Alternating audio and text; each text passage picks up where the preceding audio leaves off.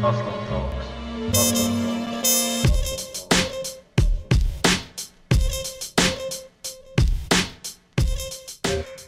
Yes, bismillah. Daar zijn we dan, de allereerste podcast. Ehm, het is een beetje spannend. We hadden er net ook over voordat we begonnen. Klopt. We zitten hier eigenlijk met z'n tweeën, maar toch is het een beetje een spanning.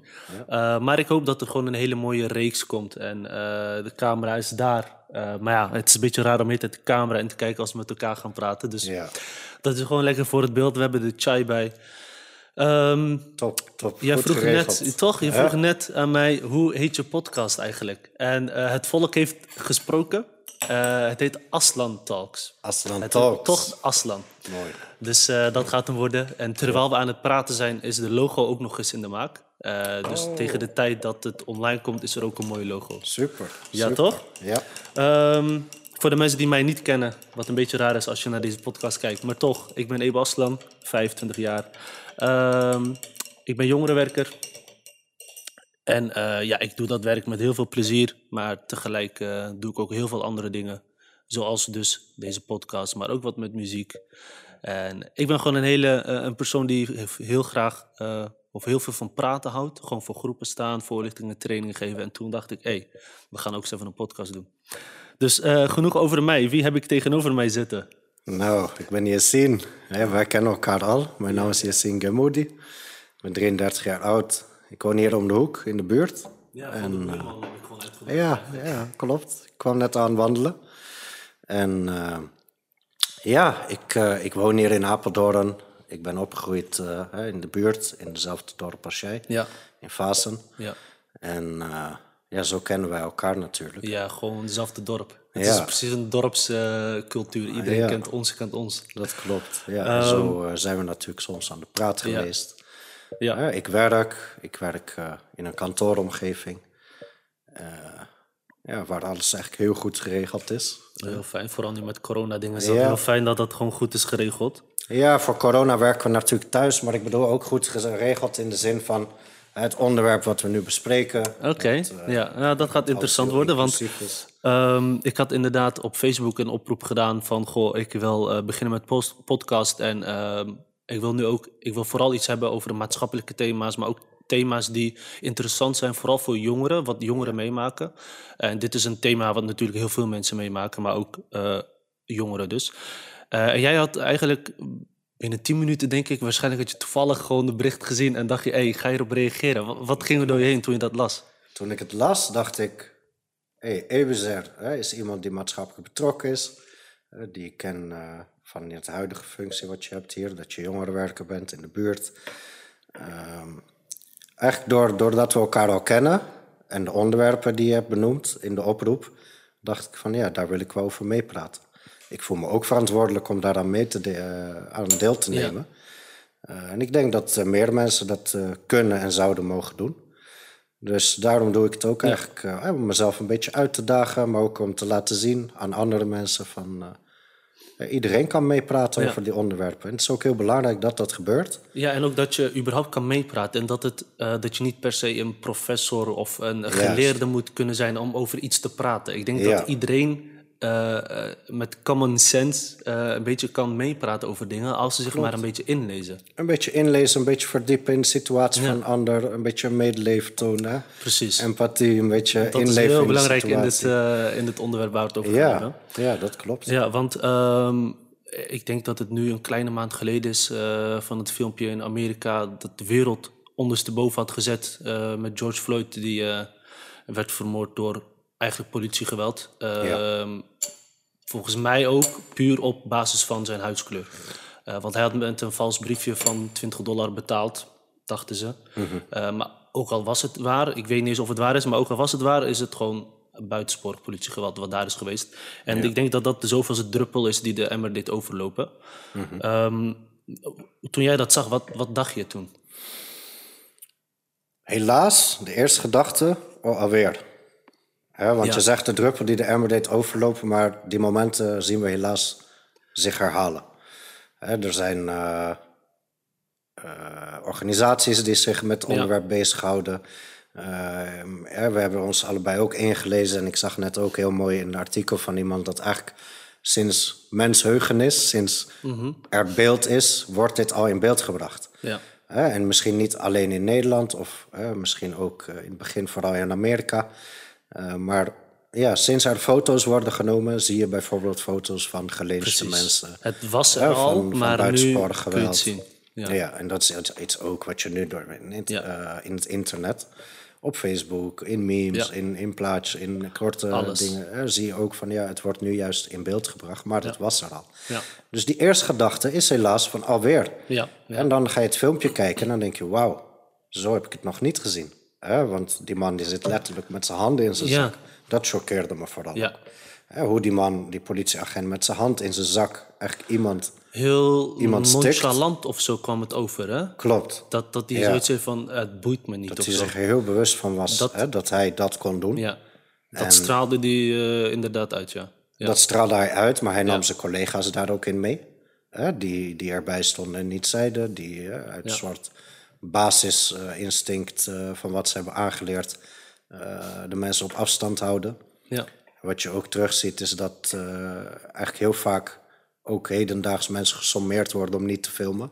Ja. Terwijl je alle vrijheid daartoe hebt. Precies, ja. En er ja. zijn natuurlijk mensen die hun rechten niet kennen, die dan misschien zouden stoppen met filmen. Dan is er nog de gedachte van eh, diegene die dat filmt. Zou ik zo lang kunnen filmen en, en roepen dat hij er moet stoppen? Of zou ik graag iets doen? Ja, En we weten natuurlijk allemaal dat veel van ons niet zou doen op dat moment. Omdat je gewoon weet dat er politieagent voor je staat. precies. En Het is hoe, een soort machtsverschil. hoe goed je ook weet dat jij eigenlijk iets hoort te doen... Ja, weet je dat het voor jou ook ernstige gevolgen kan hebben. ja. Misschien dat je het niet eens overleeft. Dat, Precies, want dat zien we ook gewoon eh, genoeg in de filmpjes. Ehm, wat, wat ik een heel mooi stuk vond, eh, ja, mo- mooi is niet de juiste be- be- benaming, maar ehm, een, een eye-opener. Mhm. Eh, dat was volgens mij op Nieuwe Maan van eh, een van de politieke leider van NIDA, dacht ik. Ja. Ehm, Het is ook Ali meteen... een- Ouali, denk ik. Ik weet Ja, niet meer ja. hoe die heet, maar van Nida, dat weet ik nog wel. Ja. En hij zat aan tafel en hij had verteld... dat filmpje van George Floyd is voor mij symbool... Mhm. van, eh, van een, een weerspiegeling van de samenleving. Hij Iedereen is iemand in dat Precies, filmpje. iedereen Ja. is iemand in dat filmpje. En toen zei hij van, wie ben jij in dat filmpje? Weet je, Ja. ben jij eh, George Floyd die wordt eh, gediscrimineerd... Die, of, of ben jij de politieagent die racisme uit en die gewoon denkt dat hij superieur is tegenover een andere ras? Ben jij de politieagent, andere politieagent die ziet dat er racisme is of discriminatie en daar niks tegen doet? Of ben jij degene die filmt en probeert zijn stem te verheffen, zeg maar, en, en een tegengeluid te geven?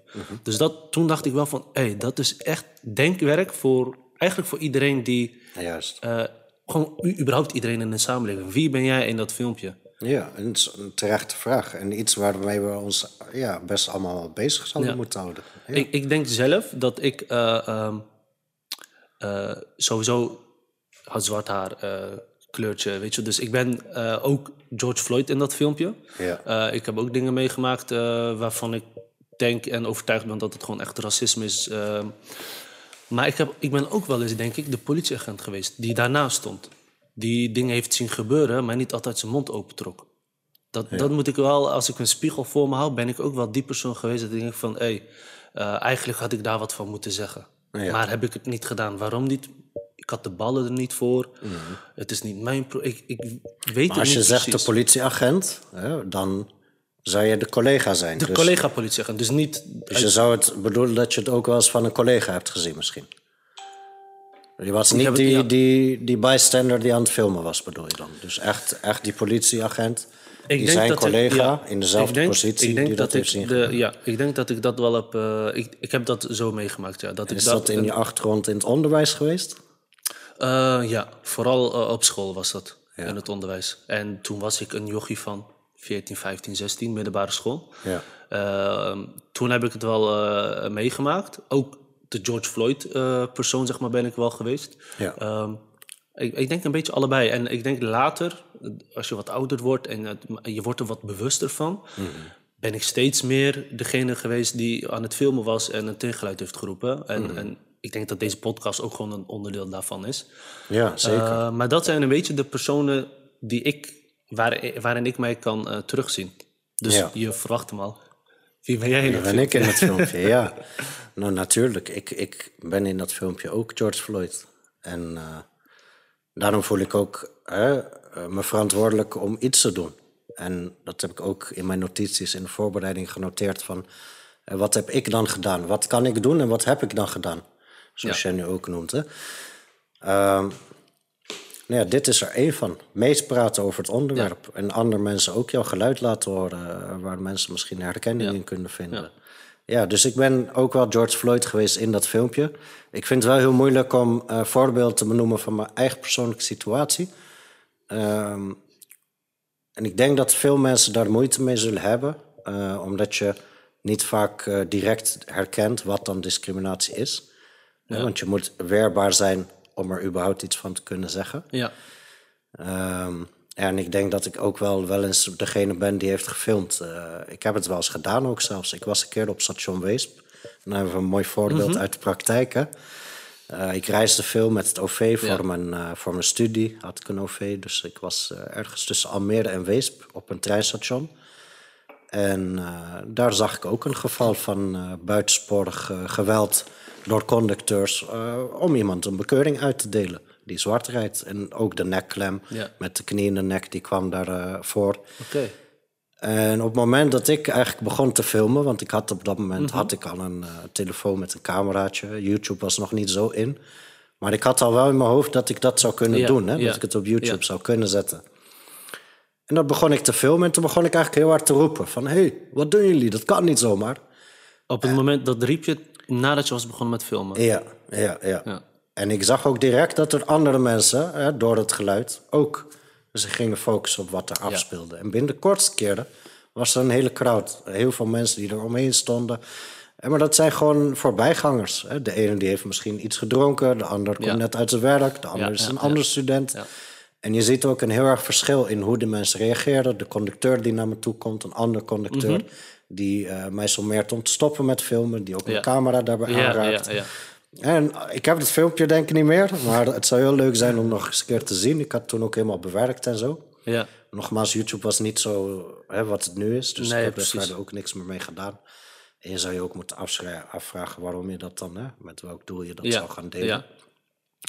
Maar wel, wel een mooi voorbeeld uit de praktijk, waarbij ik dus ook die persoon ben geweest.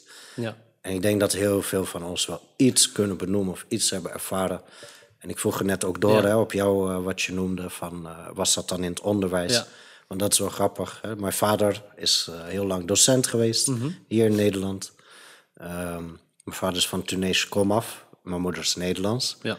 En toch heb ik ook racisme ervaren in het leven. Ehm, maar mijn moeder natuurlijk ook, omdat ze met een Tunesiër was getrouwd. Ja. hè? Ja. Ja. En eh, mijn vader, eh, in het onderwijs, heeft hij ook dingen meegemaakt natuurlijk. En dat, dat- hij eh, dat- zich ook inzet om hè, misschien de brug te verkleinen Precies. of een brug te slaan. Vormen. Ja. Hè? Ja. Ja, en dat, dat veel van die initiatieven van hem niet serieus werden genomen of Ja. dat hij voorbeelden noemt. Ja, waarbij je denkt van belachelijk, kan dat echt gebeuren? Ja. Maar ja, het gebeurt. Het gebeurt gewoon. Nou, wat je net aangaf, dat, dat, is, dat vind ik wel heel interessant. Want Nou. ehm, je gaf aan van, hè, mijn moeder is van Nederlands eh eh, komaf. En Ja. toch heeft zij racisme ervaren omdat zij met een Tunesiër ging. En ik denk Ja. dat dat wel een stukje bewustwording is van, voor alle mensen. Dat eh, racisme betekent niet per se ehm, voor zwarte mensen of mensen met een kleur. Het kan ook gewoon andersom zijn voor de, witte mens. Dat die dat, ehm, want als Turk zijnde, weet je wel, weet ik ook gewoon. Nu is het wat normaler geworden. Maar vroeger, als je eh, als Turk met een Nederlander ging, ja, die Nederlander werd niet geaccepteerd. Ik, ik heb in de, in de wijk gewerkt, in de Molukse wijk een fase. En daar heb ik die geluiden. Vroeger was dat ook gewoon zo daar. Hè? Eh, maar nu is dat ook weer eh, recht getrokken eigenlijk. Dus het gaat eigenlijk beide kanten op. Ehm, dus het is gewoon iets wat, wat iedereen kan meemaken. En ehm, feit blijft wel, als je een kleur hebt, is de kans wel veel groter dat je het meemaakt dan... eh, want een Nederlander die met een Nederlander gaat, ja, die hoeft geen racisme mee te maken. Het is, gaat dan om een Nederlander die met een, iemand eh samengaat die, in een, eh, die van een ander komaf is. Ja. Dus dat is wel een stukje dat ik denk van... laten we wel bewust zijn dat dat beide kanten op kan gaan. Ehm, Klopt. aan de andere kant is de kans natuurlijk wel veel groter... dat mensen met een eh, verschillend, met mensen met een migratieachtergrond in Nederland, die worden gewoon veel meer eh, gediscrimineerd. Dat is dan natuurlijk ook weer een feit. Ja.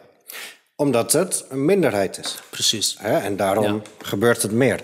Kijk, je hebt nu een paar dingen genoemd.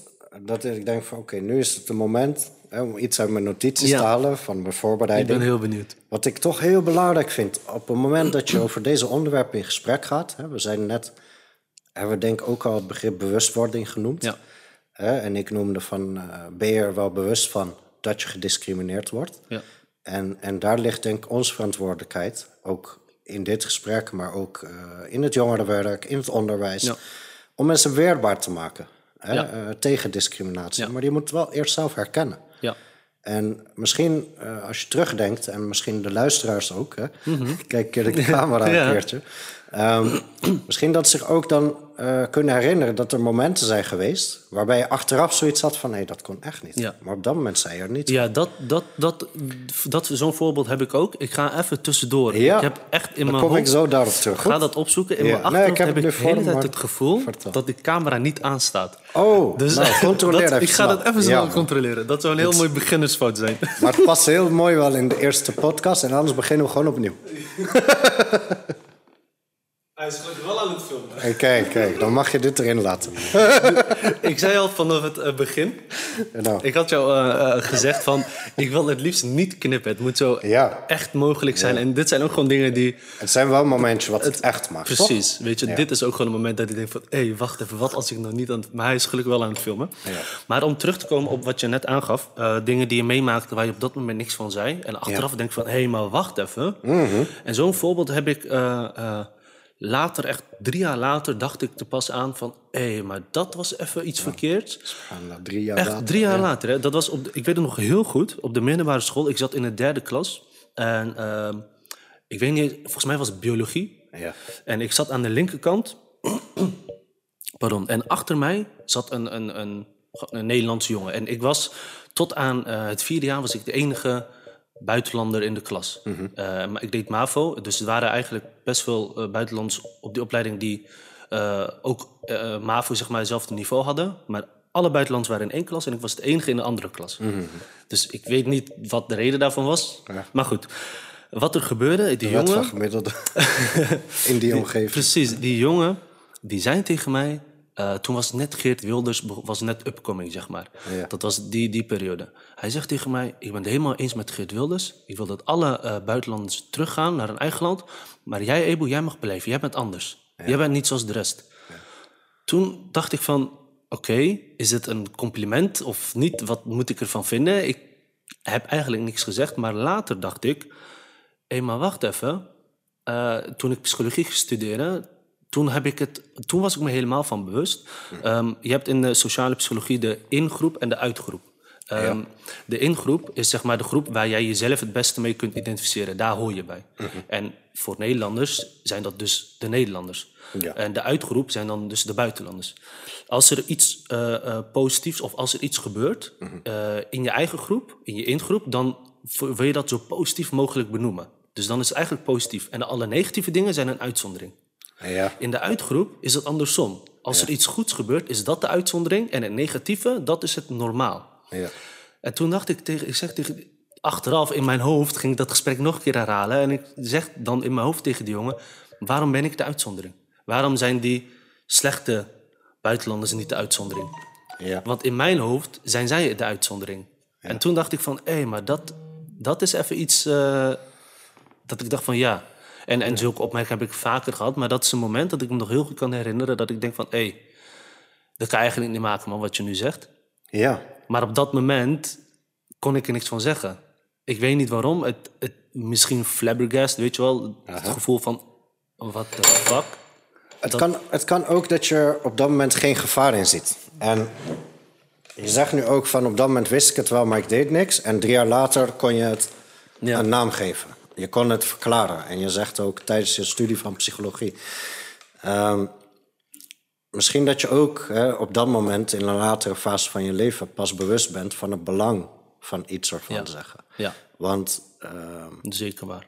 we moeten consequent zijn in het benoemen van wat goed of fout is. Want als je dat niet bent, wordt het een grijs gebied. Ja, En dan denk ik, kan het nou wel of niet? Dus we moeten elkaar opvoeden. En, en ehm, it takes a whole village to raise a child. We moeten allemaal daaraan meedelen. Ja. Hè, we zijn allemaal een onderdeel van die samenleving. Ehm, ja, de definitie van woorden hè, is heel belangrijk, denk ik ook. Dat je, dat je als je in gesprek ja, gaat ja. met iemand, dat je weet wat eigenlijk een woord betekent. En net noem, begon je over eh, discriminatie. En wat ik er toen bij wilde pakken, dat was eigenlijk. De definitie ook ervan. de definitie ervan. Ehm, want het, is, het hoeft geen grijs gebied te zijn. Hè? Want als je weet wat de definitie is van discriminatie, Ja. kun je het veel beter herkennen en benoemen. Ja, eens. Eh, en als je dat op dat moment al had geweten en er al vaker bij stil had gestaan, hè, dan, dan kon je er meteen iets van zeggen. En hopelijk door die ervaring kun je dat nu wel, als het je weer zou overkomen. ja, En dat is ook eh, de bedoeling, ja. en mijn bedoeling waarom ik hier zit. Voor mezelf natuurlijk, een oefening, een uitdaging. Precies, Maar ook om maar dat ook- uit te dragen naar anderen. om er ook gewoon over eh, te praten. En ik, ik Ja. heb jouw eh, notities ook voor mij. Ja, Ehm, en ik zie hier discriminatie uitgelegd. Discriminatie komt overal in Nederland voor. Op school, op het werk, bij sportverenigingen. Uitzendbureaus doen ook mee aan discriminatie. Daar heb ik ook een onderzoek voor gelezen. ja, Ehm, dat dat inderdaad ehm, gebeurt. Eh, in Utrecht en Amsterdam hebben ze eh, onderzoek uitgevoerd bij uitzendbureaus of, eh, en bij verhuurders, dus particuliere verhuurders, waar je dan een, een huis kan huren. En ehm, er zijn gewoon uitzendbureaus en verhuurders van huizen die gewoon zeggen, dus als jij als, als klant daarheen gaat en je zegt van hé, hey, ik heb een huis of ik heb een baan, maar ik wil niet dat er eh, een Turk, Marokkaan, Antilliaan, Surinamer op afkomt, dan Ja. kunnen zij die weigeren. 40% heeft daaraan meegedaan. met verborgen camera's is ja, dat hebben ze dat ja, toen dat eh, helemaal uitgevoerd. Ja, En dat is een stukje discriminatie. ja. En Weet je dat het ook heel moeilijk is om, om dat ook eh, op discriminatie aan te wijzen, om dat te bewijzen? Want die mensen zeggen dat natuurlijk hè, bij een verborgen camera achter gesloten deuren. Maar ze zullen dat nooit zo naar buiten brengen. En tijdens Ja. selectie zullen ze ook niet die reden geven. Ja. Hè, er is een groot aanbod van, eh, in dit geval hebben we het over een baan, hè, dus een groot aanbod aan sollicitanten. Mhm. En ze komen er heel makkelijk mee weg door jou te vertellen dat ze iemand anders hebben gevonden die beter bij het profiel past. ja, Dat ja. is geen discriminatie. nee, dan op die manier niet, als ze het zo benoemen. Niet. Maar het gebeurt wel op die manier. Ja, Eh, maar je kunt het heel moeilijk bewijzen en daarom zal het ook heel moeilijk zijn om dat soort discriminatie tegen te gaan, denk ik. Maar het Ja. kan wel, maar ik denk echt alleen door, door de mensen zelf. Eh, kijk, ik heb ook ergens genoteerd, eh, dat zie je ook een stukje verderop, eh, geïnstitutionaliseerd racisme. Waar je dan over kan gaan praten, zometeen kunnen we het daar nog Ja. over hebben, met wat voorbeelden. Ehm, dat dat geïnstitutionaliseerd racisme betekent dan eigenlijk hè, racisme vanuit wet en regelgeving Ja. of vanuit organisatieregelgeving. Racisme wat we veel meer meemaken, is denk ik racisme op straat en in de. Ja, Eén op één eigenlijk, persoon ja, tot persoon. in de openbare omgeving. Ehm, maar om nog te blijven bij hè, wat je net begon voor te lezen uit Mhm. mijn notitie. Eh, er staat er ook een stukje meteen daarna. Iedereen ervaart discriminatie ja, dat anders. stuk heb ik eh, net, ja, die zie ik nu. En Dat is ook een hele belangrijke, denk ik. Kijk, dan, dan zijn er mensen die zeggen: Oh, maar het was maar een grap. Ja, Of jouw voorbeeld van net, maar jij bent anders. ja, En dit is een voorbeeld wat ook veel mensen in het debat of in het gesprek nu eh, herhalen en benoemen. Eh, en misschien zelf hebben meegemaakt of benoemen om iets duidelijk te maken. Dat eh, iemand kan ook zeggen, ja, maar ze zijn allemaal slecht, maar jij bent anders. Ja. Op dat moment. Ehm, het is misschien niet eens bewust racisme of discriminatie wat mensen uiten. Dat ze zich er op dat moment niet eens van bewust zijn van het, het, dat, dat het langdurige effect daarvan. Precies. Ehm, ja, en wat je als een grap bedoelt, kan voor een ander kwetsend zijn. Klopt. Kijk, Ik, toen, eh, ik ja, dit, Ja, toen ik dit heb genoteerd, heb ik het eigenlijk van een, van een site eh, gekopieerd. En je ziet daar een link boven. Mensenrechten.nl. Mhm. ja, Eh, discriminatie is vastgelegd in de wet. En we hebben een grondwet. Artikel 1 gaat over discriminatie. Gelijke behandeling. gelijke behandeling. ieder, ja. Het is verboden bij de wet hè, om, om iemand anders te behandelen op basis van... En dan moeten ze even allemaal benoemen. Godsdienst, levensovertuiging, politiek gezindheid, ras, hè, de racisme Ja. is een onderdeel van discriminatie, geslacht, nationaliteit, hetero of homoseksuele gerichtheid, Ja. burgerlijke staat, handicap of chronische ziekte of leeftijd. Ja. Ehm, Dat is niet toegestaan om op... op, op niet toegestaan manier- bij de wet. Precies. En dan is er geïnstitutionaliseerd racisme. Ja. ja. Wat eigenlijk betekent dat er nog bij de wet bepaalde dingen zijn. Dat, dat rijmt niet met elkaar, dat klopt niet. Nou, dat betekent dat ze gewoon nog niet zijn onderschept. Dus er, zijn Ja. nog, er is nog wet en regelgeving die eigenlijk niet voldoet aan artikel 1. Ja. Maar zolang niemand dat in kwestie trekt, eh, Dan- in twijfel trekt, hè, of, ja, dan, Dan blijft, blijft dat het bestaan. bestaan. Ja. Eh, als het niet gemeld wordt of herkend, dan kan het blijven voortbestaan. Wie zwijgt hem Ja. stemt toe. ja. Ehm, kijk, en, en een grap maken die kwetsend is. Jij weet pas dat iets kwetsend voor mij is als ik dat aan Als jou dat vertel. benoemt, ja. Als ik het niet aan jou vertel, is het ook een beetje mijn verantwoordelijkheid dat ik dat niet heb gedaan. Ja. Want hoe moet jij anders weten wat mijn grens Ja. is? Ja, En dat is weer iets moois over vrijheid. precies. Jouw vrijheid of mijn vrijheid, die eindigt waar jouw grens is. Precies. Dus ik mag doen wat ik wil, zolang ik maar niet aan jouw vrijheid Ja. zit. Maar eh, dat, daar, daar komt ook het weerbaar eh, zijn Een eh, stukje terug. weerbaarheid zijn om daar weet wat van weet te zeggen. wat je moet zeggen, Precies. weet hoe je iets ja. kan zeggen. Ja. Zoek een juiste manier om iets te zeggen. Want je kan ook iets zeggen op verkeerde manier, zodat het hele effect van je boodschap Precies, verdwijnt. precies. Zodat de, eh, wat, wat ik altijd als voorbeeld gebruik, ook naar jongeren toe, weet je wel. eh, Ja. eh, bijvoorbeeld een Geert Wilders die Marokkanen voor de slechtste dingen uitmaakt. En dan Marokkanen helemaal op de achterste poot staan en hem uitschelden en dit en dat en hem bedreigen. En dan zegt Geert Wilders, zie je wel? Mhm. Snap je? Terwijl eigenlijk is hij degene die fout is. Maar doordat je op een verkeerde manier reageert, Mhm. eh, lijkt het alsof jij degene die bent die fout is. Dus het is inderdaad heel belangrijk hoe je daarop moet reageren. En ehm, ik zit nu ook gelijk te denken aan dingen die ik heb, heb meegemaakt op dat gebied. Weet je, eh, op een gegeven moment, hè, na die middelbare school vooral, eh, vooral op het mbo toen ik nog ICT deed, eh, toen heb ik pas geleerd om erop te reageren. Hè? Dus dat inderdaad een grapje wordt gemaakt. Zo, de meest voorkomende grap die elke Turk krijgt te horen is als er iets vies, vies is. Hé, hey, schoonmaak Turk, maak ze even schoon. Ja. En dat Hoe heb vinden je ze grappig. geleerd om daarop te reageren? Ehm, ik vind het nog steeds moeilijk. eh, een beetje vallen en opstaan. Maar ehm, het, het belangrijkste is, denk ik, ehm, dat je uitlegt wat het met jou doet. Dus al bij jezelf blijven. Dus eh, in plaats van de aanval gaan op de ander, dat je zegt van hé, hey, maar ik vind dit vervelend. Want ik krijg zulke grappen die jij grappig vindt, krijg ik eh, drie keer in de week te horen. En dat is voor mij helemaal niet grappig. Ja. En als ik dat op die manier vertel, wat het met mij doet, dan hoop je dat de ander empathie toont en denkt van, oh ja, je hebt gelijk. Ja. Eh, maar wat ik het ergste vind, Mhm. eh, wat, ik heel vaak, wat heel vaak gebeurt, is dat iemand een grap maakt Mhm. ehm, die niet goed valt. Dus bijvoorbeeld schoonmaakturk, eh, maar ook ergere dingen over moeders. Weet je wel, waarvan ik denk, hey, dat is gewoon de grens. Daar moet je niet overheen gaan, kan je geen grap over maken. Doen ze toch, dan zeg ik er wat van. Ehm, dan gaan ze het bagatelliseren. Nederlanders zijn er heel goed in. Ja. Ehm, eh, dat is echt typisch iets Nederlands met, met alles wat gebeurt. Bagatelliseren is eh, dat je iets minder erg laat lijken dan het is. Het is erg, maar je doet alsof het niet zo erg is. Dus dan zeggen ze bijvoorbeeld: Ja, maar je weet wie het zegt. Ja. Ja, maar eh, ik kan dat toch? Wij zijn toch vrienden? Je weet wie het zegt. Dan is mijn reactie, juist omdat ik weet wie het zegt, is het nog erger Ja. omdat jij als, als mijn zegt? vriend, precies, als mijn vriend, collega, klasgenoot zijn, dan zou je zoiets niet moeten zeggen. Ja. Doordat, dat maakt het misschien nog erger. Maar dan in plaats van een simpele, oh sorry man, dat, dat wist ik niet, eh, weet je, eh, zo bedoelde ik het niet, Mhm. waardoor het eigenlijk weer goed is, gaan, wordt het gebagatelliseerd. Wordt er gezegd van, ja maar je weet wie het zegt en eh, kom op man, het is maar een grap. En de, Mhm. weet je, denk van, voor jou is het een grap. Ehm, maar een grap is pas een grap als beide kanten kunnen lachen. Als ik er niet op kan lachen, is het geen grap.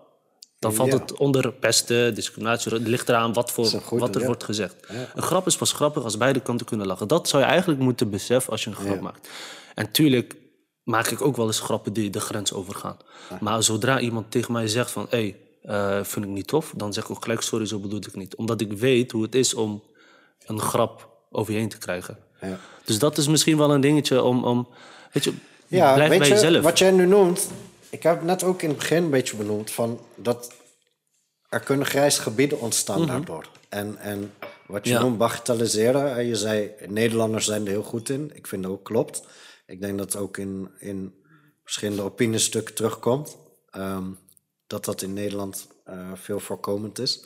Ja, de reden dat ik dat ja, niet alleen om, Nederlanders Ja, precies. Snap om? Ja, om dat We even moeten recht toch te even trekken. zeggen, voor iemand, Ja, ja. of om het recht te trekken. ik, ik zei het even heel snel, om het recht te trekken. Ehm, het is typisch een, een eh, Nederlandse cultuur ook. Weet je, het is een... ehm, maar dat gebeurt met alles, weet je. En soms... Dat kan, hè? En soms Het is dat gewoon iets... negatief Precies, zijn. soms kan het ook positief zijn om iets Ja. te bagatelliseren, weet je wel? Om iets ehm, luchtiger te maken. De- eh, want Nederlandse cultuur is gewoon heel nuchter cultuur wat dat betreft. En dat heeft ook te maken dat ze niet te zwaar tillen aan eh, bepaalde dingen. En dat heeft te maken met bagatelliseren. Dus het kan inderdaad gewoon iets positiefs zijn. Ja. Dus dat, dus dat is wel goed dat je dat benoemt, zodat ik het zelf ook kan eh Omdat. Nederland stond, stond, zeg ik, altijd bekend om een heel tolerant land. Een vrij Ja, land. ja. Een land waar minderheden Precies. een plek vinden. Precies. Toch? Ja. Maar ik zeg stond.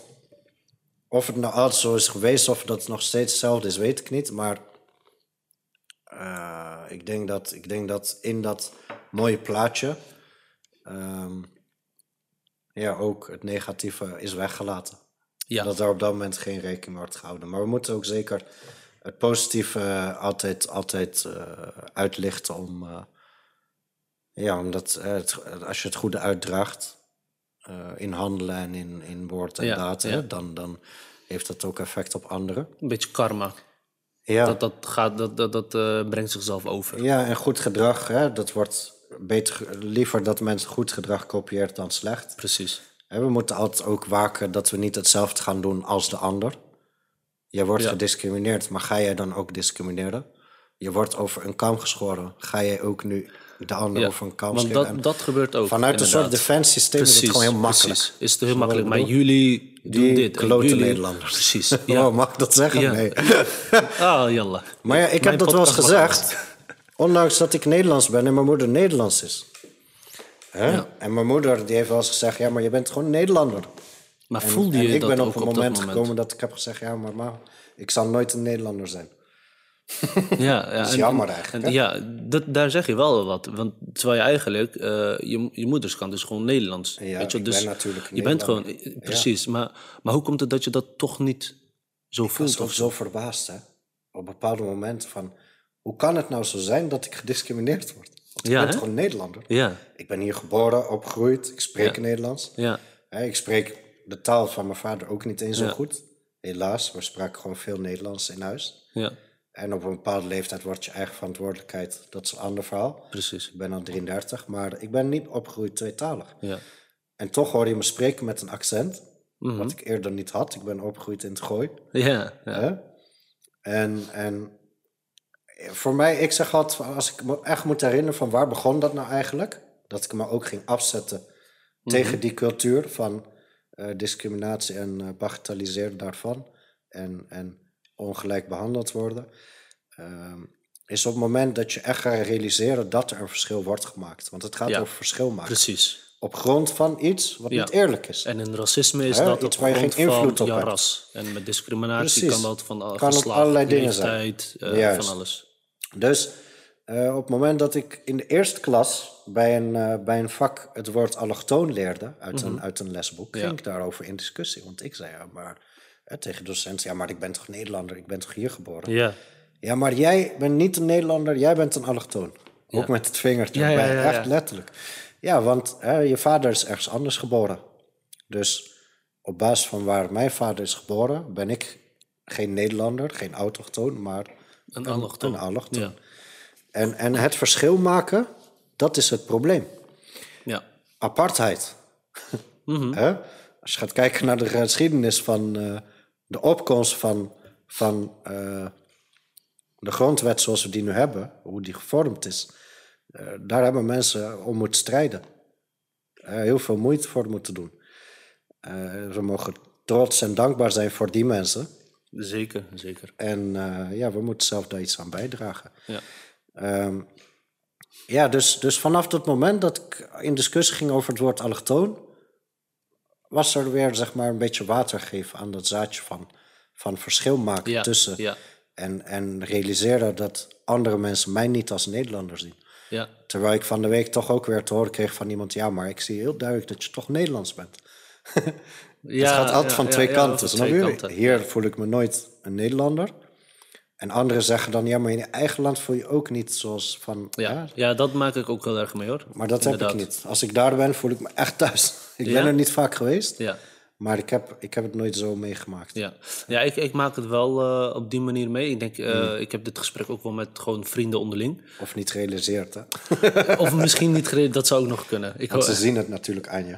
eh, het lijkt, als ik in, in Turkije ben, het lijkt alsof op mijn voorhoofd staat, Ja. Europeaan. Ja, het komt door je houding, door je Je gedrag. houding, je, hoe je loopt, je, sowieso mijn uitspraak. Ja. Ik, ik kan van mezelf zeggen dat ik best wel goed Turks kan spreken, maar ik heb echt zo'n zo'n Nederlands accent in mijn Turks. Ja. Waardoor ze gewoon, zodra ik mijn mond opentrek, weten, ah, deze komt uit Nederland, deze heeft euro's, deze man heeft geld.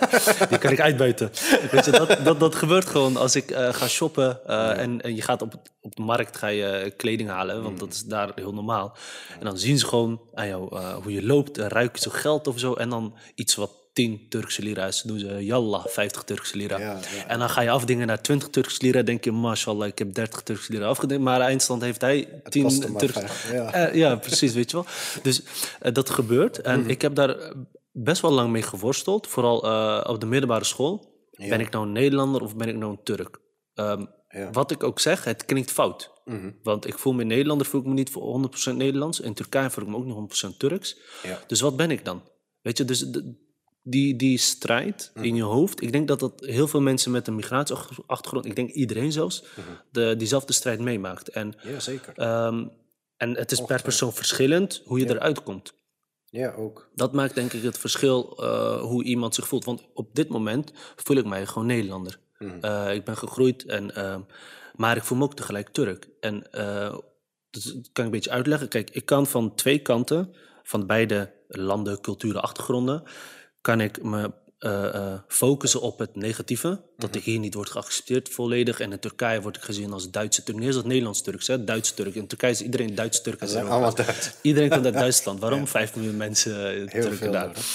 Ehm, maar mooi, ik heb geleerd bij mezelf en met mezelf om te kijken naar het positief van beide kanten. Ja. Wat is het positieve aan Nederlander zijn en wat is het positieve aan Turk zijn? Heel. Turkse mensen zijn heel erg loyaal. Heel loyaal ook aan hun land, aan hun familie, vrienden. eh, ehm, gewoon groepsdynamiek, weet je wel. Dat is eh, heel erg loyaliteit. Dat zie je hier nog steeds in Nederland als Turkije aan de WK meedoet. Inshallah doen we weer een keer mee. maar toen er tijd toen we daar meededen, iedereen toeteren, vlag erbij, feest vieren. Weet je, dus dat, dat gevoel, die loyaliteit, dat ik, oké, dat is iets, daar ben ik als Turk zijnde trots op, dat ga ik meenemen. Aan de andere kant, eh, vanuit de Nederlandse cultuur waarin ik ben opgegroeid, via school en eh, omgeving. ehm, Nederlandse eh, cultuur is heel erg direct en straight to the point. Je gaat niet omheen lullen, je zegt gewoon waar het op slaat. Dat vind ik ook een heel mooi iets, dat ik gewoon lekker direct gewoon, hé, hey, dit is het, punt. Weet je, en die twee dingen, dat met elkaar mengen, denk ik dat ik er sterker ben uitgegroeid. Ehm, maar het ook andere kant op kunnen gaan. Dat gaat als geleid. Ja, sorry. Dan ging het gelijk. Die knippen we in de edit wel eruit. Komt goed. Die muten we even. Anders heeft iedereen oor... Uh, tjallah. Ehm, maar het had ook de andere kant op kunnen gaan. Dat ik van beide kanten negatieve zou eh, oppakken. Dat ik als, eh, weet je, vanuit het Nederlandse stuk zou zeggen... oh, maar Nederlanders zijn zus en zo. Eh, en, en Turken, eh, die, die hebben scheid aan individuen. Het moet allemaal, je moet allemaal rekening houden met andere mensen. En Nederlands hebben scheid aan de groep. En je moet eh, rekening houden met jezelf. Dus het zou ook kunnen botsen. En ik denk dat dat wel een ding is waar ik probeer met jongeren over te praten... als jongerenwerker ook, die met een migratieachtergrond... van, hey, hoe sta jij daarin? Hoe kan jij daarin het beste van je naar boven halen? En ik denk dat dat gewoon een tweestrijd is van iedereen. Ik weet niet of, of jij het ook zo hebt meegemaakt, zo, eh, die Ja. tweestrijd, zeg maar. Eh, het wordt ook wel eh, identiteitscrisis genoemd. Precies. Hè? Wat veel bij gemixte culturen schijnt voor te komen. Kijk, ehm, waar ik, wat mij opkomt wanneer jij dit zo vertelt, is ook, hè, van, je hebt natuurlijk ook door je opleiding in psychologie, heb je ook inzicht hè, in hoe mensen verschillend iets kunnen opvatten ja. en verschillend kunnen reageren nog chai trouwens. Vanuit een referentiekader, ja zeker, lekker. Ja, toch? Vanuit een referentiekader. En dat is ook een onderdeel wat ik heb opgenomen in het stukje definities van woorden. Mhm. Hoe belangrijk communicatie is. En voor communicatie heb je woorden nodig. Hè? Om van elkaar te leren Precies. moet je met elkaar communiceren. Ja. Eh, als je de betekenis van bepaalde woorden anders opvat, hè, dan, heb je al een dan heb je al miscommunicatie. een, miscommunicatie. Hè? Dan is er al ruis. Ja.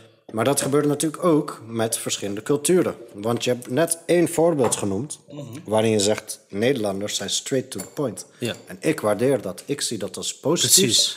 wat ik graag meeneem en toepas. Ja. Maar er zijn natuurlijk culturen waarin dat juist als In, negatief in wordt Turkije ervaren. kan ik dat niet zeggen. Zo straight to the point. Daar moet je rekening mee houden. Precies. Als je dat niet weet, hou je er geen rekening Ja, mee. ja. En dat is een proces wat we met z'n allen nog steeds Ja. doormaken. Hè, bewust zijn van elkaars grenzen en vrijheden. Van elkaars normen en waarden. Eh, en die definitie van woorden, net als normen en waarden... Ja, die moet je eerst van elkaar kennen voordat je... Ja, Daar met een, goed uit, en- ja, met een goed uiteinde in gesprek kan gaan met elkaar.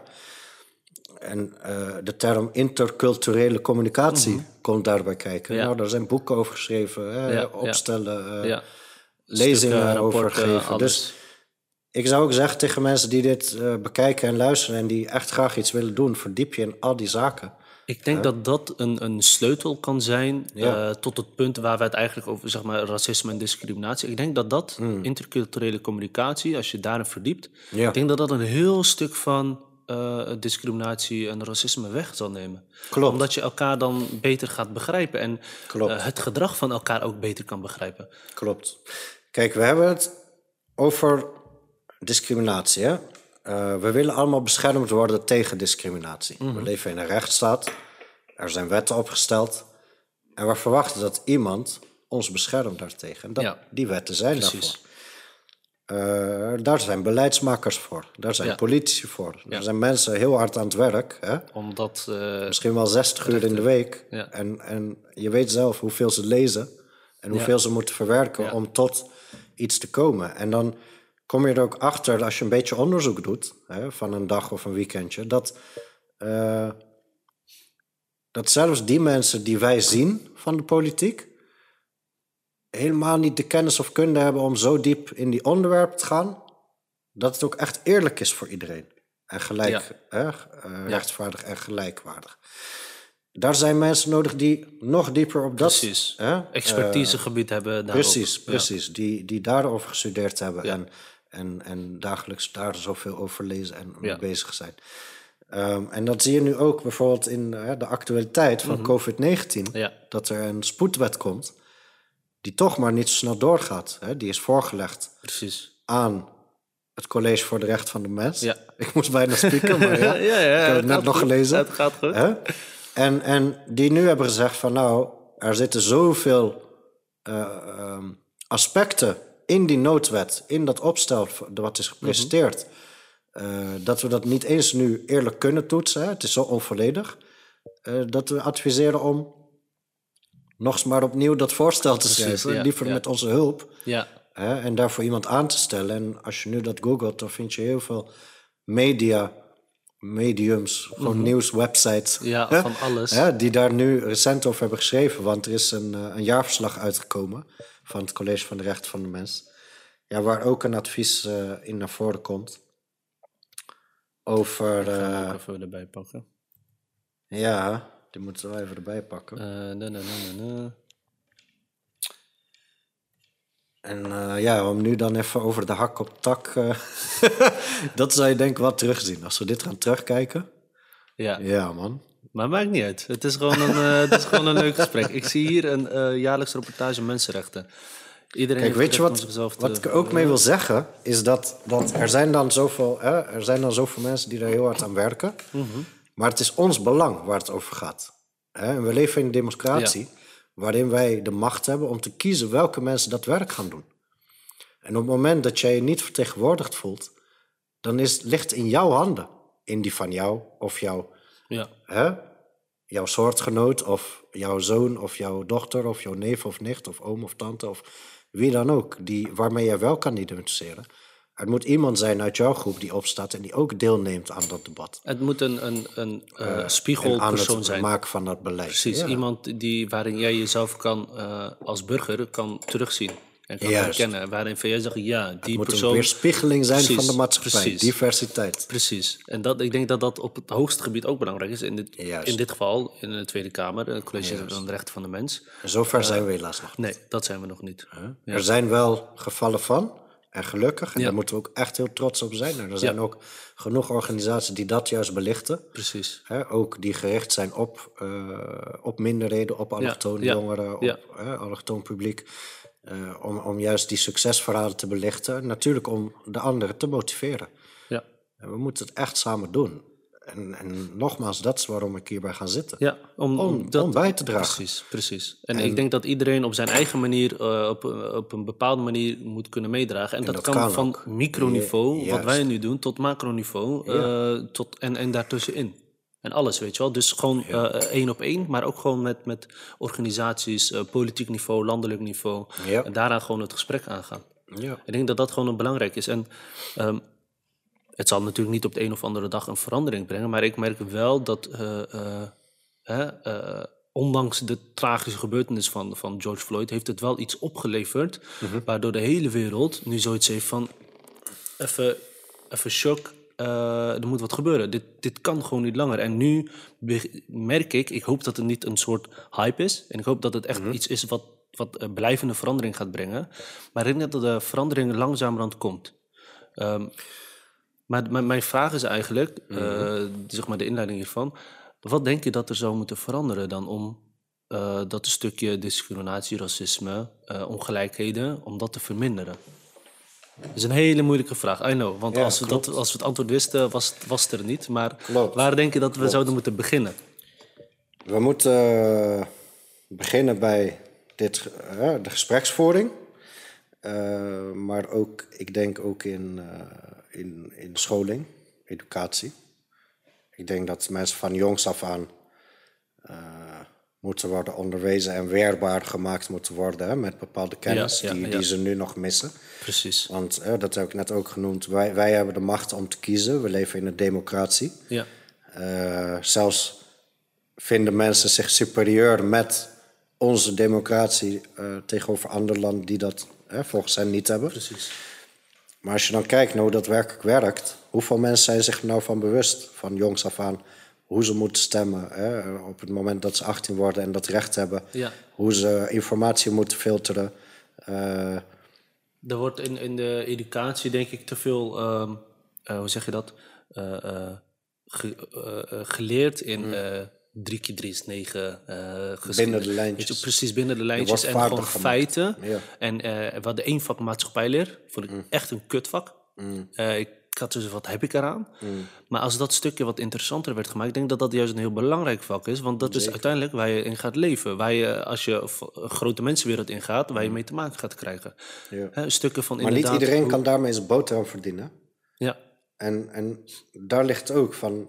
Kijk, wij zitten hier nu in gesprek over racisme, Mhm. discriminatie, over een aantal onderwerpen. Maar ik vertelde net, ik werk. Ik werk in een kantooromgeving. 36, 40, soms 32 uur in de week. Ehm, neem ik de tijd hiervoor? Eerlijk? Nee. het is dat... dat je? Ik ga naar mijn werk, ja, ik ben ja. vrij. Misschien ga ik eh, een beetje sporten. Ja. eh, aandacht besteden aan een beetje ontspanning, sociale omgeving. Maar ik ga niet elke week of elke maand, een weekend lang, acht uur lang dingen op zitten zoeken over racisme, zodat ik hier Ja, iets aan mensen kan vertellen. Dus Het zou in het systeem al eh, erin moeten, zodat je verplicht wordt om eh, er wat mee te doen. Dus met educatie. ja, dat denk ik wel. Ja. Ja, en mensen hebben daar denk ik niet genoeg ruimte voor ook. En hoe we dat dan anders moeten inpassen, hè? want ik zeg ook heel vaak tegen jongens, als we in gesprek zijn over allerlei onderwerpen, als er ook weer eens eh, allerlei theorieën, hè, complottheorieën eh, ter sprake komen, dan zeg ik ook eens, oké, het is leuk allemaal. Hè, je hebt heel veel kritiek, maar kom je ook met een oplossing. En jouw vraag, ja, wat je zegt, is heel moeilijk te beantwoorden. Ja.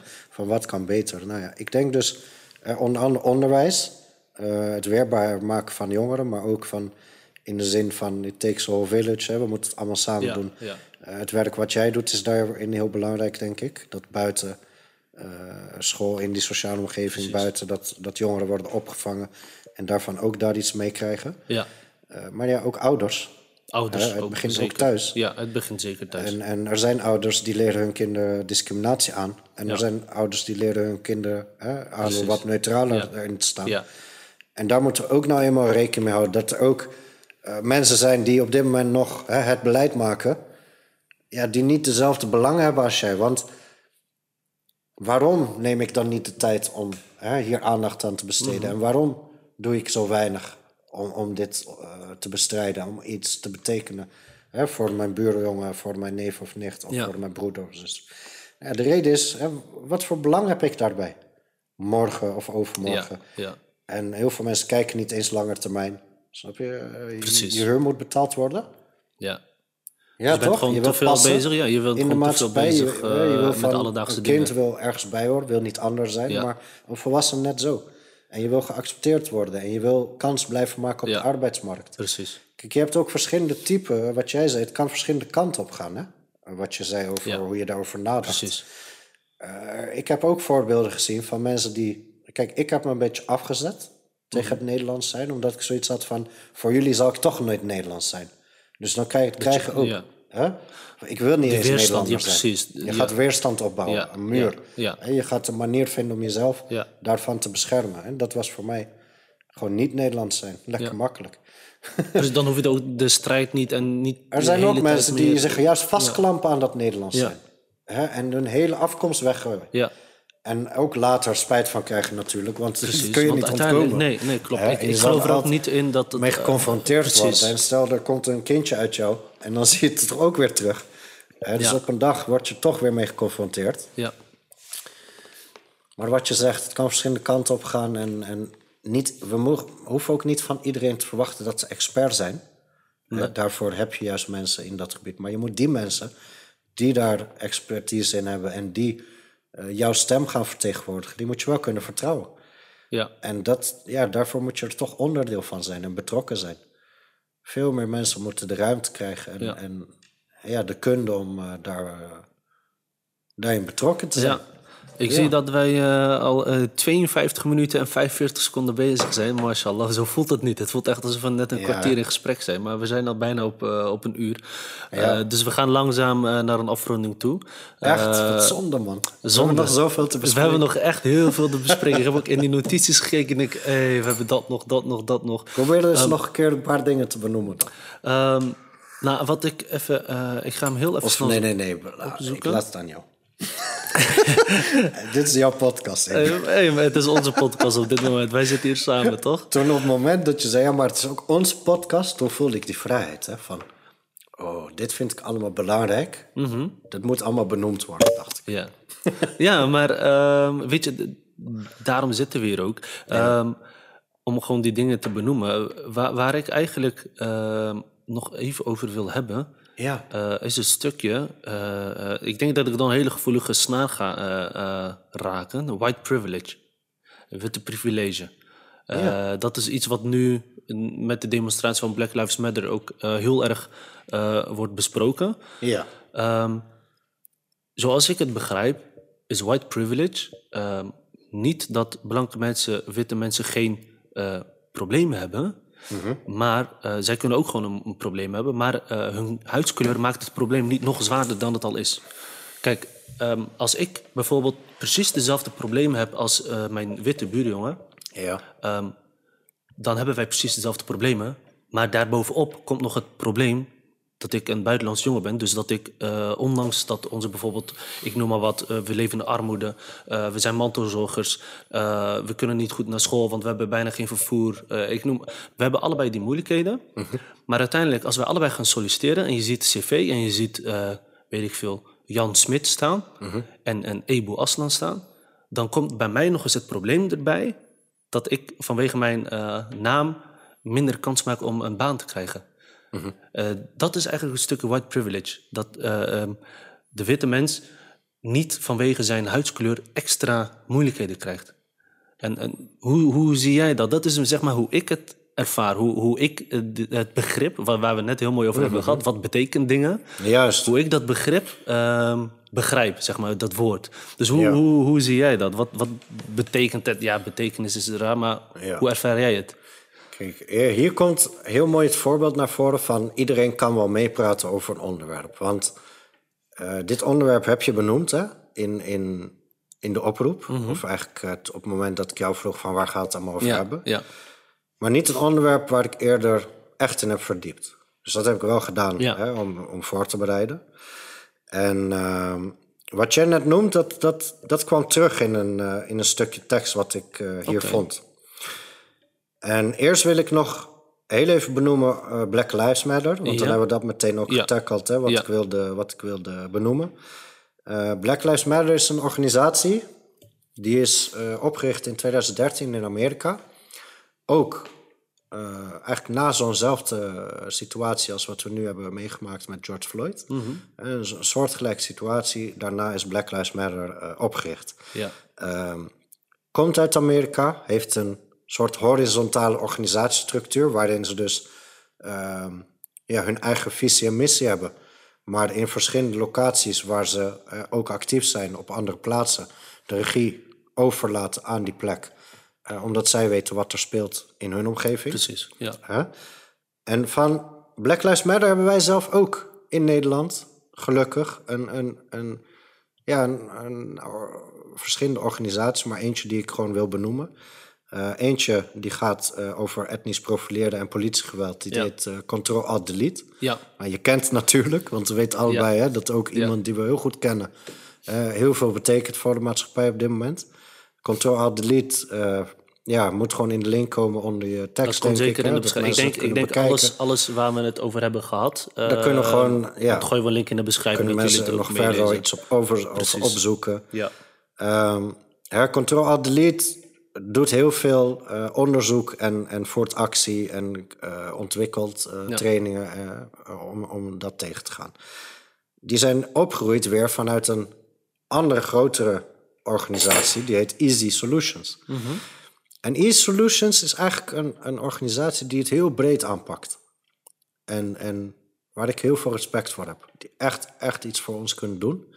Ehm, ik zou zeggen, Black Lives Matter, top. Hè? Eh, het is ook goed dat dat hier wordt genoemd en overgenomen. Want ehm, de Amerikaanse maatschappij overlapt in veel dingen met onze problemen. Ja. Maar ze zijn niet exact hetzelfde. precies. Hè, de grond is hetzelfde, maar niet Ja. alles is hetzelfde. Ja. En vergeef me als ik dingen vertel die niet kloppen. Er kunnen mensen zijn die het er niet mee eens zijn. Ja.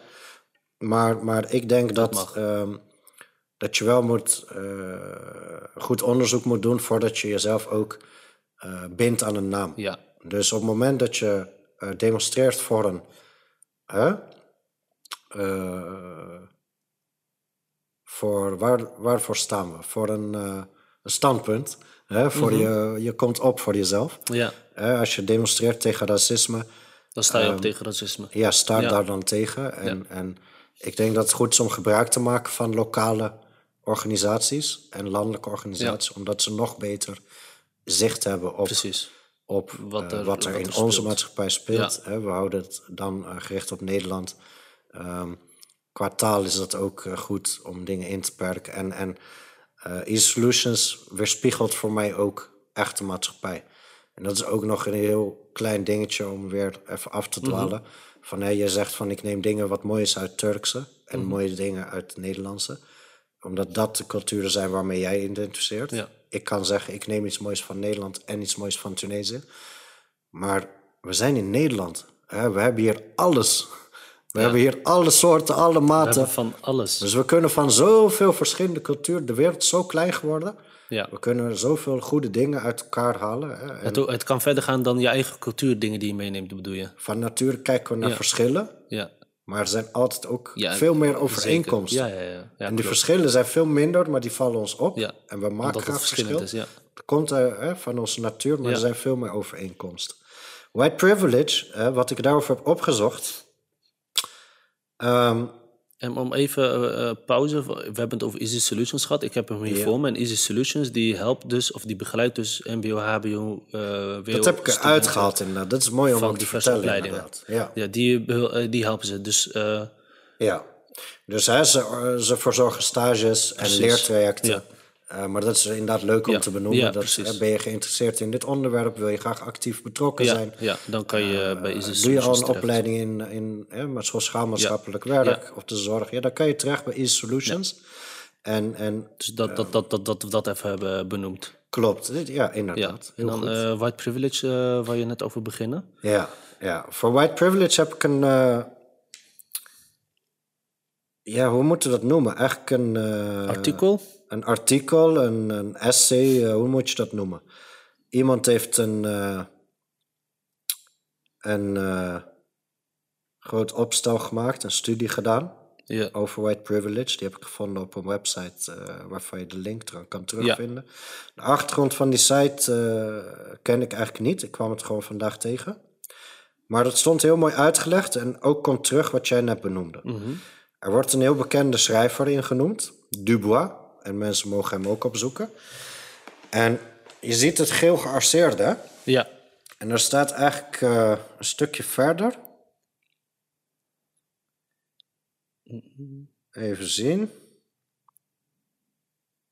Kijk, die Dubois, die schreef daarover. En ehm, Dat stuk in het Engels bedoel je dan? ja, kijk, in 1935 Ja. Zo'n tijdje geleden. Hij schrijft daar: It must be remembered that the white group of laborers, while they received a low wage, were compensated in part by a sort of public and psychological wage. They were given public deference and titles of courtesy because they were white. Uh, they were admitted freely with all classes of white people to public functions, public parks and the best schools.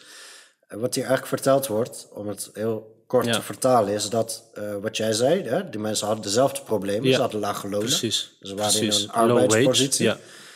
Eh, maar zij maakten iets mee wat voor ons nu ondenkbaar is. Hè, dat ze wel voor in de bus mochten zitten. Precies. Of wel in dat park Precies. mochten lopen. Precies. Hè? Ik denk, ja. En wij kunnen ons dat nu helemaal niet voorstellen Terwijl in zij, deze eh, wat hier in, precies, dat is, ik denk dat dit Maar inderdaad, zij voelden zich alsof ze die problemen niet hadden. Of Ja. ze voelden het minder. en dat is denk ik ook die definitie van ja, dat niet ervaren. Omdat, Dat niet ervaren. ondanks eh, het verschil in klassen, want daar staat ook, they were admitted freely with all classes of white people. Juist. Dus of je nou een rijke witte man bent of een arme witte man. Wit was wit- wit, dan was je Precies, dan- nog...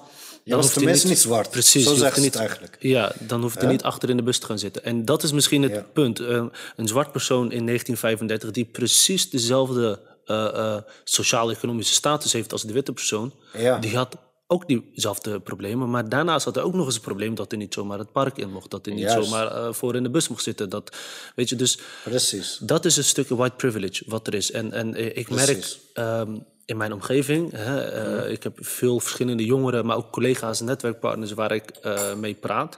die, sommigen die hebben zo ja, eh, maar white privilege, nu voel ik mij gediscrimineerd als witte persoon zijnde, want eh, nu worden wij aangevallen en gedaan. Ehm, het is niet per se dat het nu opeens fout is. Dat dat, het is wel fout, alleen eh, het wordt nu benoemd. Iets wat al jarenlang speelt, wat je onbewust misschien al is, Ja. wordt nu bewust gemaakt. En dat is misschien een pijnlijk moment, een pijnlijk proces. Maar het is wel een proces wat we moeten doorlopen om het te doorbreken. Dat, dat, er zoiets als, dat het niet zo kan, dat het niet zo mag zijn dat iemand puur omdat hij een andere huidskleur heeft, omdat hij minder pigmentvlekken heeft, zeg maar, eh, dat hij beter is dan de ander. Dat kan natuurlijk niet. Weet je dat er in deze tijd het bijna ondenkbaar is dat er echt mensen zijn die denken dat dat nu niet bestaat in Nederland. Precies. En er zijn echt mensen die denken dat dat, dat het er niet, voorkomt. Ja, dat ze denken, ja, maar dat is Amerika en Amerika is alles erger. Het is misschien erger. Het is jammer dat wij nu niet echt voorbeelden benoemen hè, uit, uit onze maatschappij van nu. Ja. Over white privilege ook. Maar eh, ja, Ik denk, dat- ik denk dat mensen die, die vertaalslag wel kunnen maken. Ja. Weet je wel, daarover. Eh, Ik heb misschien wel een voorbeeld van eh, white privilege. Ehm, eh, bij een van mijn eh, werkgevers, ik kan natuurlijk niet zeggen waar eh, Hmm. dat was, vanwege ik wil geen eh, slechte dingen doen. Ehm, maar ik heb, eh, eh, toen ik net was aangenomen, ik was aangenomen met eh, twee collega's. Eén, eh, ook een collega met een migratieachtergrond en een een witte Nederlandse collega. Met z'n drieën waren we eh, net aangenomen. En eh, om daar te mogen werken hebben wij een VOG moeten aanvragen. En eh, we werden gewoon gescreend. Wat, weet je wel? Dus we waren eigenlijk alle drie goedgekeurd. En toen werden wij, konden wij daar komen werken. Weet je wel? werden we aangenomen. En toen had ik een. Ik was er zelf helaas niet bij. want dan kon ik die persoon zijn die aan het filmen was. Hè, bij George Floyd, dat ik een tegengeluid kon laten horen. Maar wat ik dus van mijn collega hoorde, was dat er een persoon. Ik moet het heel anoniem houden. Er was een persoon bij dat overleg. Die zei letterlijk. ehm, die Ebu en eh, die. Hij heet geen Mohammed, maar ik noem even Mohammed voor het eh, gemak. Die Ebu en die Mohammed. Wat voor mensen zijn dat? Weten jullie wel, eh, of weten jullie zeker dat het geen criminelen zijn die jullie hebben aangenomen? He- hebben ze wel een VOG? Deugen die mensen wel? Wat binnen daar voor personen? Weet je, echt op die manier heeft hij dat gewoon zo gezegd. Maar die witte collega die ook met ons was aangenomen, daar heeft hij het niet over gezegd. ja. Dat is een stukje, we zijn alle drie aangenomen. Alle drie, je zou ervan uit kunnen gaan met het werk wat ik doe, dat je wordt aangenomen, hè, dat een VOG daarvoor belangrijk is. En dat mijn eigen werkgever dat wel uitzoekt. Maar dan komt een of ander persoon die helemaal niks met de organisatie te maken heeft, die zegt met zo'n, tijdens zo'n overleg van die Ebo en die Mohammed, deugen die jongens wel? Weten jullie wel of het geen of wel dis- eh, eh, criminelen zijn die jullie aannemen? Ja. Terwijl we met z'n drieën waren aangenomen. Over die Nederlandse persoon heeft dus niks gezegd. En ehm, ik was er zelf niet bij. Maar eh, ik heb dit van drie verschillende personen van, vanuit het netwerk. Heb ik dit verhaal gehoord. Alle drie eh, verschillende mensen op verschillende momenten. En alle drie zeiden hetzelfde. Dus dan kan ik wel ervan uitgaan dat als drie mensen hetzelfde zeggen... dat dat ook zo is gegaan op die manier. Maar dat is denk ik ook een stukje, even een heel klein... eh, klein eigenlijk is het niet eens klein, het is best wel een groot probleem eh, van white privilege. Dat ik wel word eh, gevraagd om, eh, dat ik wel extra word gevraagd. Ja, maar eh, heb jij wel een VOG? Dat is gewoon racisme. Verschil Precies. maken op basis van... Precies, maar de witte persoon, mijn witte Ja. collega, werd daar niet aan gevraagd. Terwijl Ja, wij alle dus drie die, die witte moment- persoon ervaart de white privilege, omdat over hem niet dat vooroordeel precies, bestaat precies, en wordt gevoerd. precies. Ja, ja, dat is. Ik denk ja, dat dat gewoon een, een voorbeeld is. En, en eh, daarnaast Dus het heeft ook allemaal met elkaar te maken, zoals je merkt, Ja. met racisme. En ja, Ja. ja, het is gewoon een heel... voort uit racisme. Een, een dun lijntje wat eh, inderdaad eh, met elkaar te maken heeft. Ik heb ook nog een, een ander voorbeeld. Ik, ik zal dat proberen op te zoeken en een linkje in de beschrijving te plaatsen. Er is een filmpje, waarschijnlijk kennen heel veel mensen het al, over drie jongens. Precies Oh. dezelfde kleding, precies dezelfde ding. Die gaan in een park, volgens mij in het Amsterdam.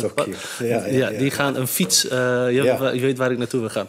Die hebben dan een fiets en, en de, de ketting, eh, weet ik veel, fiets het op slot. En ze gaan eigenlijk een fiets stelen. Ja. Precies dezelfde uit, ja, kledingstijl, alles is hetzelfde. Ja. Eh, en de, de witte persoon, die wordt gewoon geholpen. eh, Met het stelen en- van de fiets. Met het stelen Ja, van de of het fiets. losmaken van. Precies, of mensen lopen langs en die gaan ervan uit, dat zal vast zijn eigen fiets zijn. Ja. En, en bij de zwarte en de Marokkaanse jongen gaan w- gaan ze hem aanspreken, de politie Politie, is binnen 15 minuten zo vaak langs gegaan. En dat is ook gewoon, denk ik, een stukje white privilege. Ja. Puur op basis van... Want de kleding, alles was hetzelfde. Dus het enige verschil is hun huidskleur. En ze hebben alle, alle drie dezelfde eh kettingzaag, alles gebruikt. Ja. Ehm, dus dat is ook gewoon een stukje white privilege. Dat puur omdat iemand wit is, ehm, gaan ze ervan uit dat diegene niet uit dat, oh, dat zal ze, hij is vast een keer dronken geweest, weet ik veel wat ze denken. In ieder geval, ze denken niet, hé, hey, dat is verkeerd wat je doet. en een persoon eh, met een andere huidskleur eh, doet precies hetzelfde. En daar denken ze dan opeens wel van, hé, hey, dat, is, eh, niet, dat, dat klopt niet.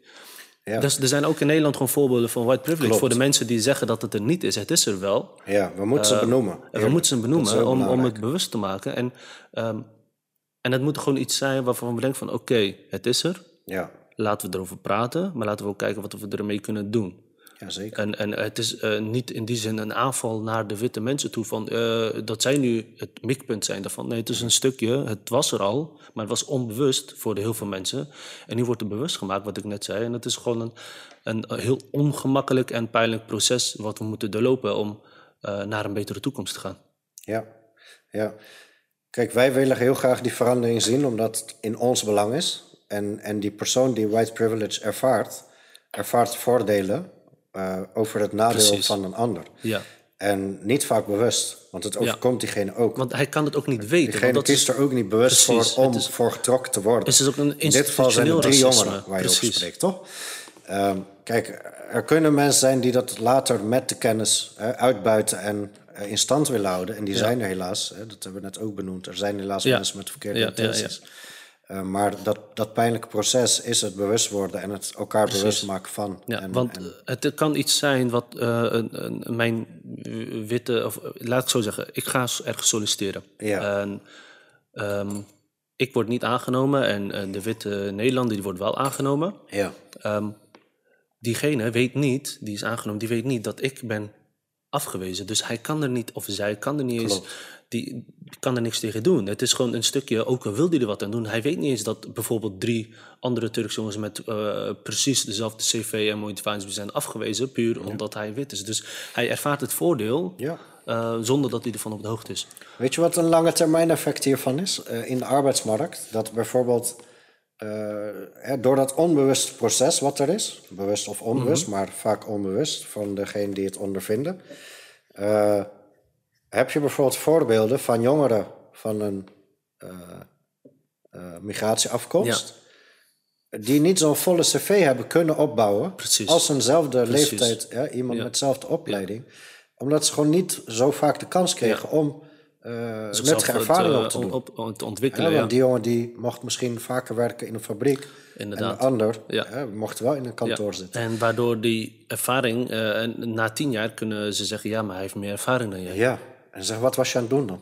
Ja, En het ja. is heel moeilijk om Precies. uit te leggen, om, hè, maar ik Precies. kreeg de kans niet. Want Ja. het is zo moeilijk Om- te benoemen en te ja, bewijzen. En, en daarom zal het nog wel een tijdje Ja. duren voor we dit hebben Ja. getackled en opgelost. Maar ja, we, we moeten daar samen naartoe. Ja. Ik, wil, eh, ik wil zo naar een afronding toe. Ah, jammer man. Ja, echt, we zijn nu... eh, ik, Alsjeblieft, laten we nog eh, een bij- uurtje verder praten. Alsjeblieft man. als de camera uitgaat, gaan we nog een uurtje door. Ehm, Ik ga nog heel snel door dit bestand en dan Ja. gooi ik er nog heel snel wat dingen. ja, want Vind ik, je dat ik- goed? Precies, is helemaal goed. Ik, ik wil daarvoor nog even wat benoemen. Ja. Ehm, ik, want ik heb het nu over, eh, tijdens hebben wij het over het gesprek, hè, de witte persoon en de zwarte persoon. Ja. Ehm, en dan kan ik nu al bijna horen van de mensen die zeggen, ja, maar je noemt ons wit en je noemt hun zwart. Ja. Ehm, het is gewoon een kleur. Het is niet, de een is niet beter dan de ander. Ehm, Ja, mogen wij zwart zeggen? Moeten we donker zeggen? Mogen we blank Nou, zeggen? ik- Moeten we ik- wit zeggen? Precies. Ik vind, ehm, Er zijn wel afspraken waar je eigenlijk aan moet gaan houden. Nou, En misschien wat precies. terecht is dat wij worden aangesproken op bepaalde Nou, ik vind zelf, Ik ja, ik vind, ik vind zelf eh, de reden dat ik het ook zo stellig zeg, ehm, het is gewoon een stuk van je identiteit qua kleur. Zwart betekent niet negatief. Het is gewoon, ik denk, ik denk dat de zwarte persoon ook gewoon trots mag zijn op, een, eh, op de huidskleur die ze hebben. En de witte persoon trots mag zijn op de huidskleur. Het is gewoon een stuk van je identiteit van wie je bent. Ehm, helaas is het zo, doordat er steeds discriminatie, racisme is gedaan, dat zwart opeens een negatieve eh, lading of zo heeft. Maar ook gewoon eh, het films van... Geïnstrumentaliseerd in de taal zelfs. In de taal, weet je, de eh, zwarte kat brengt ongeluk. Goed dat je benoemt, ja. Snap je? Terwijl zwart is gewoon een kleur en wit is ook gewoon een kleur. Hè? De, de, als je kijkt naar de Bijbelse dingen, de witte cake is, hemel, is, is van de engel, maar de chocoladetaart is van de duivel. En denk jij dat, dat dit, hè, dit stukje taal, denk je dat je de taal en begrip van woorden en de definitie van woorden kunt veranderen? Ik denk, ehm, Denk je dat wij dat hier kunnen veranderen? Hoe, hoeveel tijd zal ons dat kosten? Om... ik denk dat het heel veel tijd gaat kosten, maar dat we wel gewoon ik. generaties. Maar ik denk dat het gewoon een stukje bewustzijn moet worden. En het begint gewoon heel klein. Misschien hebben we twintig luisteraars, dat weet ik. Het woordenboek moet worden aangepast. Het wordt, precies, maar het, het stukje eh, wit en zwart is gewoon een kleur. Meer niet. Wist je dat de grondwet, die kan je ook veranderen? Alles is te Kan in veranderen. positieve maar, eh, zin, maar dat- negatieve zin. Maar Ja, weet je, dus, Kan, hè? maar dat wilde ik wel even benoemen. Van, eh, ik zeg heel stellig wit en zo, maar het is gewoon de benaming van een kleur. Nou, ik denk, eh, nu je dit benoemt, er, er zullen meer dingen zijn die wij nu eh, hebben Sowieso, besproken maar laat het, iets over ja, laat zeggen. het ook gewoon in de reacties nodig ook weten. iedereen uit, doe dat. Precies, Ja. doe dat, zodat wij ook... we misschien ook hebben we ook onbewust dingen gedaan en dingen gezegd van... Hé, kunnen dat was niet misschien handig. eh, iets, iets rectificeren. Precies, Ja, toelichten, inderdaad. bij deze, we staan er ook voor. Ja, wij zijn er zeker op voor. Daarom is het een podcast, we zijn hier om te praten. Ja, ja, zeker. Ja. Om van elkaar Ehm, te leren, maar ook in dat Ik, ik de- geef jou een paar minuten om, een paar eh, minuutjes? om eh, snel door je documenten te scrollen en kijken waar je, waar je mee wil We afsluiten. gaan heel snel scrollen. Kijk, eh, hè, toen in de opbouw van de, van de podcast heb ik eh, ter voorbereiding eh, jouw onderwerp genomen en het belangrijk vonden om discriminatie uit te leggen, de benoeming van de definitie, uit te dragen hoe belangrijk communicatie is, de interculturele communicatie, communicatie hebben we behandeld. Eh, we hebben wet en regelgeving behandeld, grondwet. Ehm, de definitie van woorden heb ik benoemd, expres, hè, om daar eens naar te kijken, Ja. om daar bewust van te zijn. Eh, dan kwam ik zo op het onderwerp racisme. Ja, Eh, ja. Ik heb de website van Amnesty daarvoor bezocht, hè, om dingetjes op te zoeken. En daar bijvoorbeeld gevonden dat, ehm, ehm, dat er in de oude geschiedenis veel etnocentrisme voorkwam. Het idee dat andere volken barbaars waren of minder beschaafd. En er zijn natuurlijk eh, in onze generatie, hoe wij zijn opgegroeid, Mhm. zijn we constant belaagd met beelden van derde wereldlanden. Ja. En wat zagen wij dan? Hele dunne Ethiopische kindjes onder voet.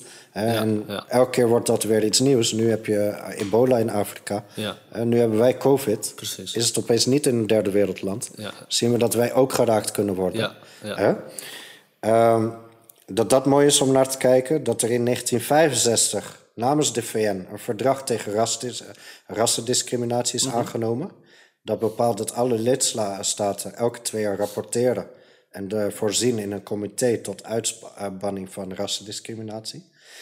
Ehm, en dat de eerste individuele klacht die bij het VN-comité tegen rassendiscriminatie werd ingediend, kwam uit Nederland. Oké. Dus op het moment dat het werd eh, geïntroduceerd, was Ja. het een Nederlander die de eerste klacht inbracht.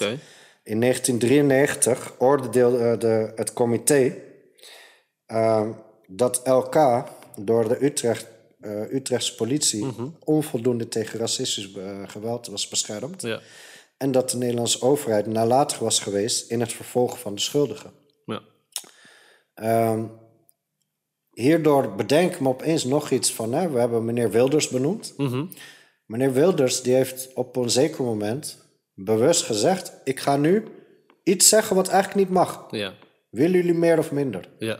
Het feit dat hij dit introduceerde met die zin, ik ga iets zeggen wat Mhm. niet mag, hè, dat bewijst dat hij zich bewust van is dat hij iets doet tegen onze wet in. Ja, ja. Dat hij de rechten van andere mensen schendt. Ja. Maar deze man bedrijft nog steeds politiek. Mhm. Wij accepteren dat toch? Wij laten dat toe. Ja. Denk daar eens over na, mensen. Hoe kan dat? Precies. Dat we dat toelaten. Er zijn wetten die ervoor zorgen dat hij nog de politiek kan bedrijven. Dus de En wetten, daar ligt onze verantwoordelijkheid precies, van. Wat jij zei met de Misschien moeten we daar iets in veranderen. Er zijn wetten die de grondwet eigenlijk een beetje... Geïnstitutionaliseerd racisme. Ja, ja. Want er is een grondwet tegen racisme, maar er zijn blijkbaar nog wet en regelgeving die het nog toch weer mogelijk maakt. Precies, dat ja. hij nog steeds Ja, ja. door kan gaan. ja. En het is aan ons. Wij hebben die macht om Mhm. daar iets aan te doen. Ehm, dan eh, heb ik een heel mooi artikel wat je mag delen in de links. Over, eh, over ook eh, racisme in deze COVID-19-tijd. En de overeenkomsten en raakvlakken.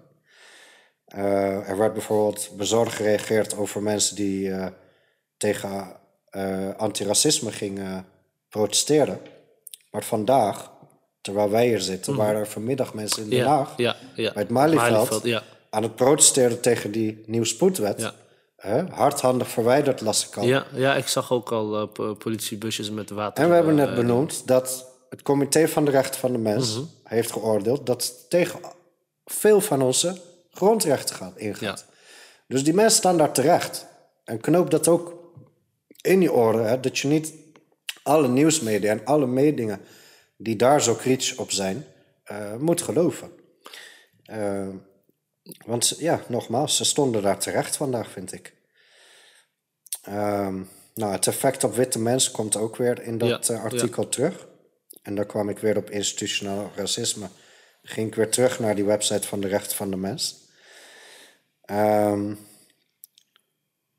daar wordt ook gezegd, en door de organisaties die ermee bezig zijn, van meld het. Het is echt heel belangrijk. Ja. Melden is denk ik gewoon stap het. 1. Ja, Dat we weten, in, in ieder geval in kaart kunnen spreek brengen. jezelf uit. Ja. ja, geef je grens aan. Ehm, nou, er is dus een spoedadvies geweest van, eh van eh, College van de Rechten van de Mens. over de, die, die, eh, die spoedwet. Nou, wat tips van effectieve communicatie, ja, dat laat ik ook wel aan mensen zelf om, om te gaan zoeken. Ja. Er zijn nogal wat dingetjes om te lachen om mee af te sluiten. Ja, een voorbeeld eh, van mijn vader in het onderwijs. dat, dat, mijn vader was leraar, docent Ja. op een middelbare school. Ja. En ehm, het viel hem op, het was een zwarte school. Dus op die zwarte school, die alleen HAVO en VWO was, dus met hè, een goed niveau, Ja. ehm, waren er Marokkaanse kinderen die meehielpen bij de voorbereiding voor kerst. Om Ja. mee te doen. Ja. Ze stonden ervoor open om mee te helpen. Ja. En mee te doen aan de cultuur van Nederland. Precies. En toen kwam het offerfeest. Ja. Maar ze kregen niet vrij.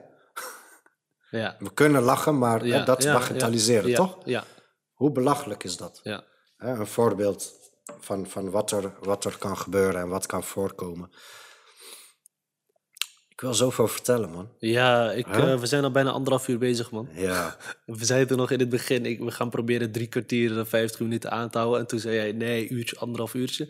En je hebt gewonnen. nu hebben we echt, echt de grens bereikt, Je hè? hebt, je hebt gewonnen. Ik denk dat we de grens hebben bereikt, man. Oké, man. Ehm, we gaan gewoon afsluiten. We gaan hem afsluiten. Ik wil je heel erg bedanken voor je tijd, voor je komst. Ja. Maar ook gewoon voor dat je eh, ja, eigenlijk gewoon een soort van huiswerk hebt gedaan dat je hebt eh, verdiept.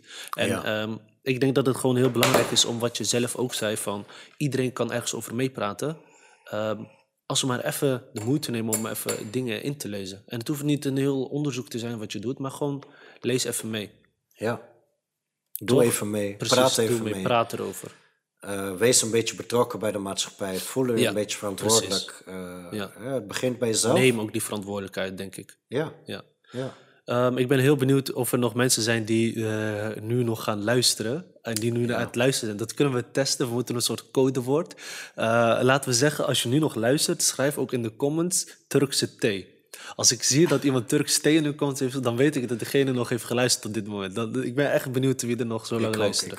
Ik ben ook heel Ik ben benieuwd. echt heel benieuwd. Ja. Mohim, ik, eh, ik wil jou bedanken, man. Ik, wil, eh, ik vond het echt heel erg leuk. En, ik vond eh, het echt een eer om in jouw eerste podcast, eerste te verschijnen. met Jessen. En eh, ja, hoe ging dat eigenlijk? Hoe, hoe, wat dacht jij toen ik reageerde? Ik was ik de eerste die Je reageerde? was de eerste. Daarom, je was de eerste. Ik dacht, eh, wow, Ja. hij is de eerste. Yallah. Ik ga niet eens verder zoeken. Ik ga gewoon gelijk de eerste, de beste. Wie het eerst komt, de eerste. Ja, toch.